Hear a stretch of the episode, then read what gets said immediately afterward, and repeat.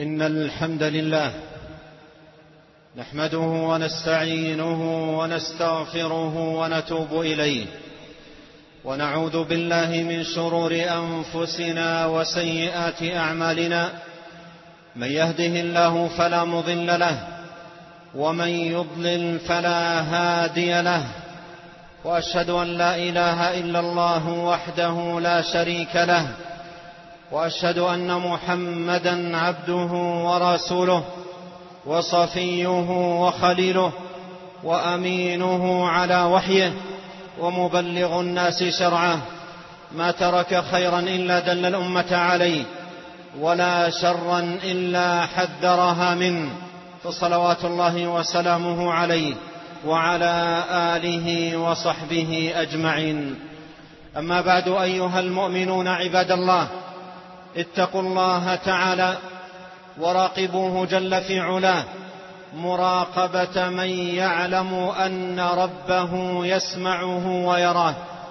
وتقوى الله جل وعلا عمل بطاعة الله على نور من الله رجاء ثواب الله وترك لمعصية الله على نور من الله خيفة عذاب الله.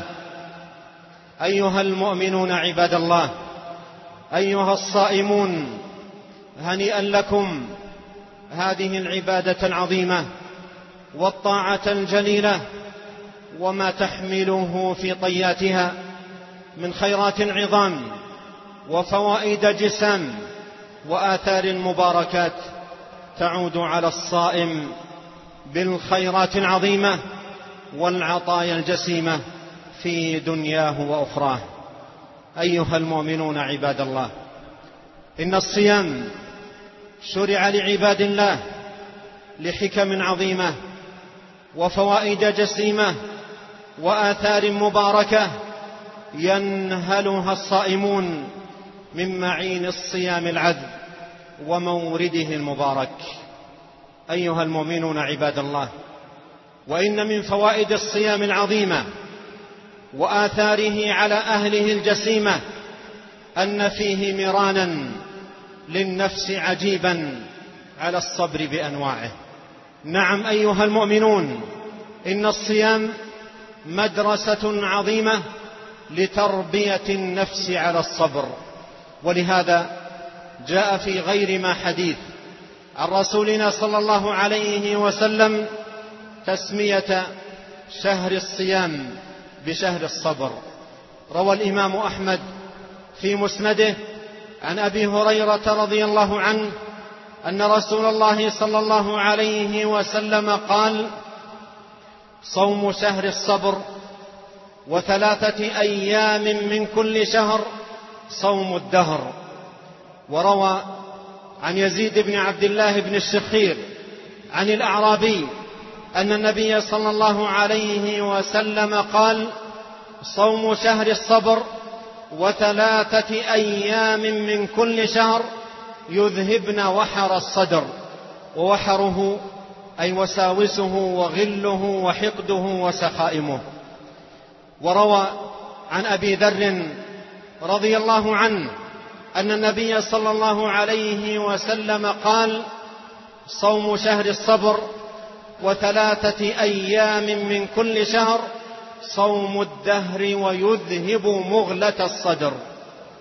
وروى عن الباهلي أن النبي صلى الله عليه وسلم قال صم شهر الصبر وثلاثة أيام من كل شهر فهذه الأحاديث أيها المؤمنون عباد الله جاء فيها وصف النبي صلى الله عليه وسلم لهذا الشهر المبارك بأنه شهر الصبر. وفي جميعها نلاحظ استصحاب هذا المران بالصيام طيلة شهر رمضان استصحاب ذلك في الشهور كلها صياما لثلاثة أيام من كل شهر. فيتمرن في شهر رمضان تمرنا عظيما على الصبر على طاعة الله ثم يستصحب هذا المران ثلاثة أيام من كل شهر فكم يترتب على ذلك؟ من خيرات عظيمة وفوائد جسيمة ومنافع جمة لا يعلمها إلا من شرع الصيام سبحانه. أيها المؤمنون عباد الله وعندما تتأمل في هذا الصيام وأثره العظيم في تحقيق الصبر تجد أن الصيام فعلا يربي ويهذب ويزكي نفس الصائم تربية على الفضائل والكمالات وإبعادا للنفس عن الرذائل والحقرات. ولقد اجتمع أيها المؤمنون في الصيام التمرين على الصبر بأنواعه الثلاثة الصبر على طاعة الله والصبر عن معصية الله والصبر على أقدار الله. أما الصبر على طاعة الله جل وعلا فإن النفس أيها المؤمنون في فعل المأمورات يقوم أمامها عقبات وعوائق فتحتاج إلى صبر حتى تتمكن به من أداء الطاعة وفعل الأمر وأداء المستحب. ومن لم يكن له صبر لم يتمكن من أداء الطاعات ولا فعل العبادات كما أمره الله تبارك وتعالى بذلك. وأما الصبر عن معصية الله فإن النفس عباد الله تحتف بأمور تغريها بفعل المحرم وارتكاب المنهي عنه فيحتاج العبد إلى صبر يكف به نفسه عن الحرام. ويمنعها عن الآثام. ومن لا صبر عنده تفلتت منه نفسه أشد التفلت ووقعت في الرذائل والمحرمات. وما أحوج العبد إلى صبر يكف نفسه به عن الحرام. وأما الصبر على أقدار الله تبارك وتعالى المؤلمة فإن في الصيام مرانا عجيبا على ذلك. لما يذوقه الصائم من شدة جوع وشدة عطش فيمنع نفسه ويحبسها طاعة لله تبارك وتعالى فيجد في ذلك مرانا عظيما لنفسه على الصبر طاعة لله جل وعلا وطلبا لرضاه سبحانه. وبهذا عباد الله نجد أن الصيام عونا عظيما للعبد على تحقيق الطاعات وفعل العبادات والبعد عن المحرمات. وقد قال الله تعالى واستعينوا بالصبر والصلاة.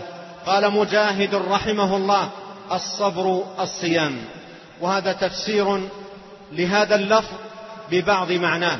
ولا شك أن الصيام صبر على طاعة الله جل وعلا ومران للنفس على الصبر.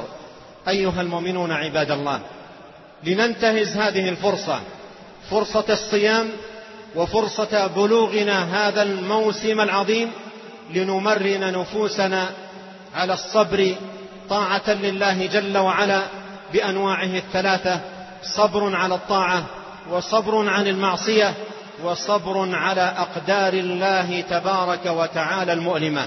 نسأل الله الكريم رب العرش العظيم بأسمائه الحسنى وصفاته العليا أن يصلح لنا شأننا كله وأن لا يكيلنا إلى أنفسنا طرفة عين وأن يهدينا إليه صراطا مستقيما. أقول هذا القول وأستغفر الله لي ولكم ولسائر المسلمين من كل ذنب فاستغفروه يغفر لكم إنه هو الغفور الرحيم.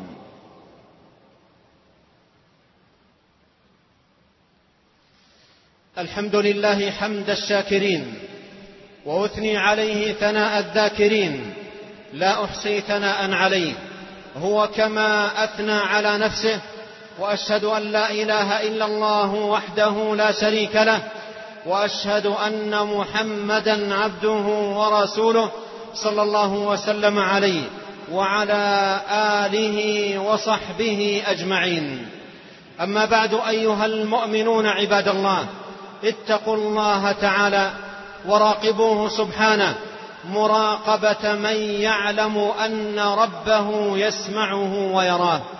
أيها المؤمنون عباد الله إننا نعيش هذه الأيام مع موسم عظيم وشهر مبارك ومدرسة جامعة للخيرات. فينبغي لنا عباد الله أن نستفيد من هذه المدرسة المباركة الجامعة. ننهل من معينها العذب ومن موردها المبارك علوما نافعات وعبرا وعظات ودروس بالغات نفيدها من شهرنا المبارك وموسمنا العظيم. غنمنا الله وإياكم خيرات هذا الشهر وبركاته. ونفعنا وإياكم بهذا الشهر نفعا عظيما. وجعله لنا إلى الخيرات مرتقا وسلما. وصلوا وسلموا رعاكم الله. على محمد بن عبد الله كما أمركم الله بذلك في كتابه فقال إن الله وملائكته يصلون على النبي. يا أيها الذين آمنوا صلوا عليه وسلموا تسليما. وقال صلى الله عليه وسلم من صلى علي واحدة صلى الله عليه بها عشرا. اللهم صل على محمد وعلى آل محمد كما صليت على إبراهيم.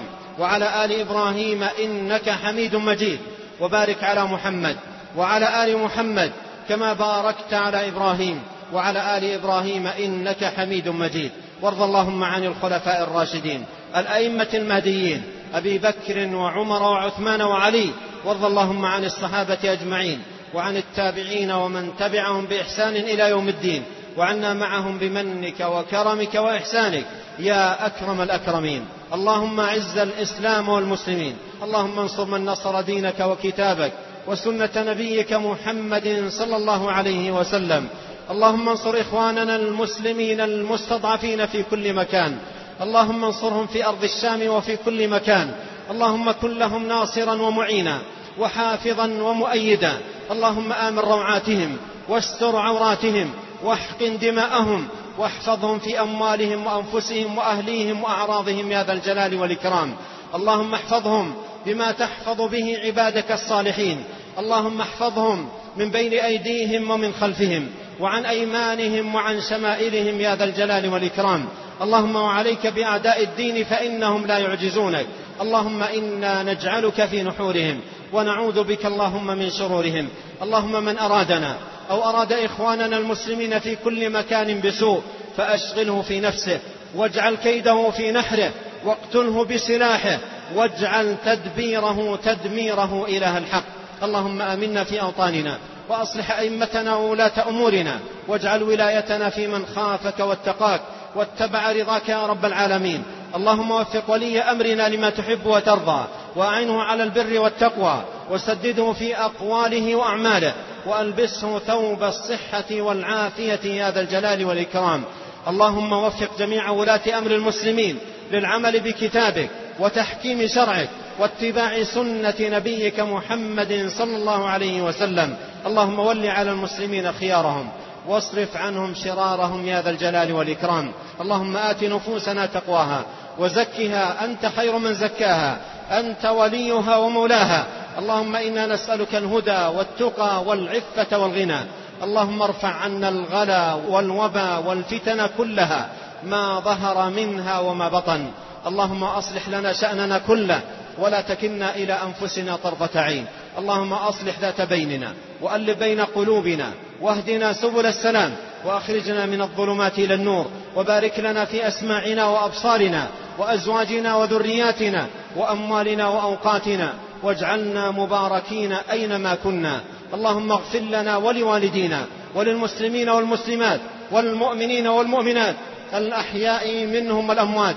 ربنا إنا ظلمنا أنفسنا وإن لم تغفر لنا وترحمنا لنكونن من الخاسرين. ربنا آتنا في الدنيا حسنة وفي الآخرة حسنة وقنا عذاب النار. عباد الله اذكروا الله يذكركم واشكروه على نعمه يزدكم ولذكر الله أكبر. والله يعلم ما تصنعون